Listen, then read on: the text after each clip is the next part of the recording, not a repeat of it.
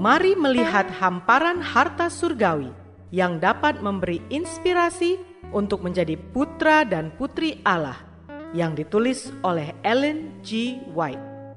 Melalui renungan pagi ini, kita akan mempelajari nasihat yang menguatkan dan memberi semangat untuk memperbaiki karakter kita.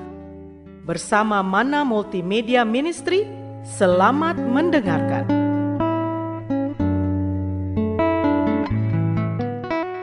Shalom, selamat pagi saudaraku.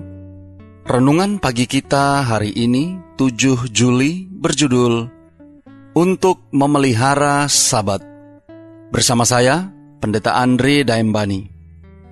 Ayat intinya diambil dari Keluaran 20 ayat 20. Demikian firman Tuhan.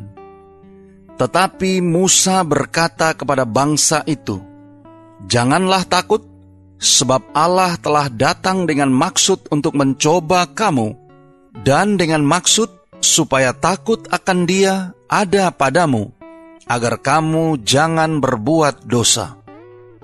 Mari kita dengarkan penjelasannya. Keteguhan moral diperlukan untuk memelihara hukum-hukum Tuhan. Seorang yang pernah melawan kebenaran, suatu kali pernah mengatakan bahwa hanya orang-orang yang lemah pikirannya yang mau berbalik dari gereja-gereja untuk memelihara hari ketujuh sebagai sabat.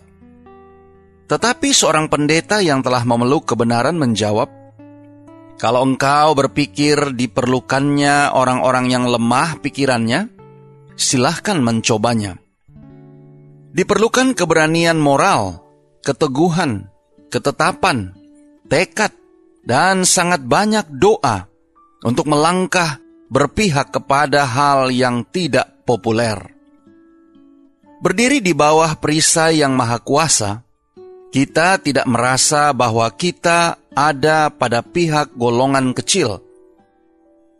Allah ialah golongan besar. Kita harus mempertimbangkan bahwa Kristus telah menetapkan kita menjadi terang di tengah kegelapan moral dunia ini. Kita tidak boleh menyalah tafsirkan tabiat Allah.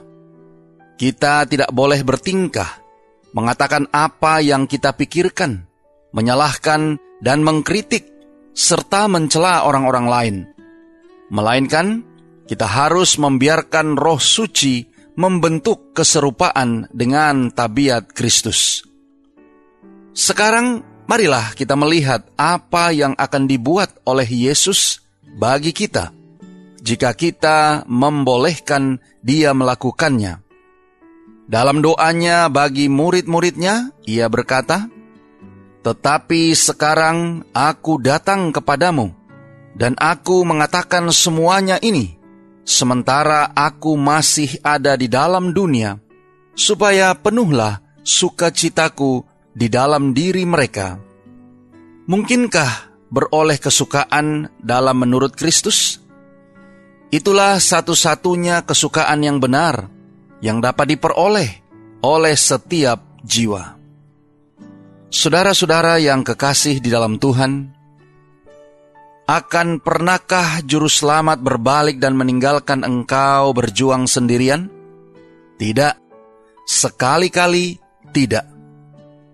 Kemiskinan sedang datang ke atas dunia ini, dan akan ada masa kesukaran seperti belum pernah terjadi sejak ada suatu bangsa.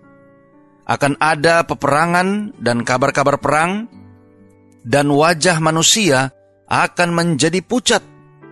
Engkau mungkin harus menderita kesusahan, engkau mungkin akan menderita kelaparan tetapi Allah tidak akan membiarkan engkau dalam penderitaanmu.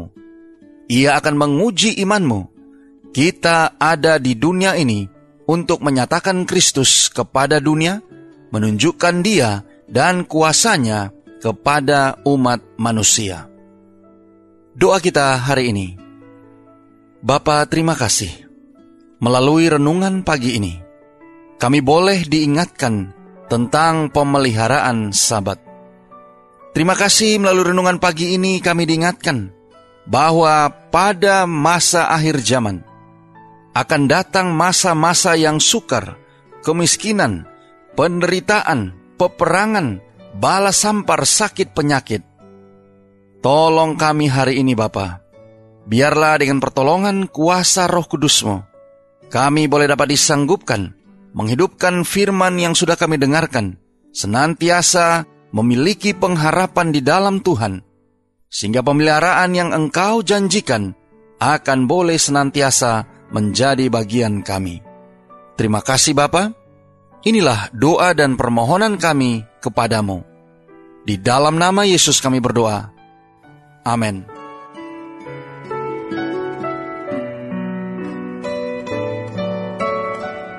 Demikianlah tadi pembahasan tentang menjadi putra dan putri Allah. Semoga firman Tuhan hari ini menjadi berkat bagi Anda. Sampai jumpa, Tuhan memberkati.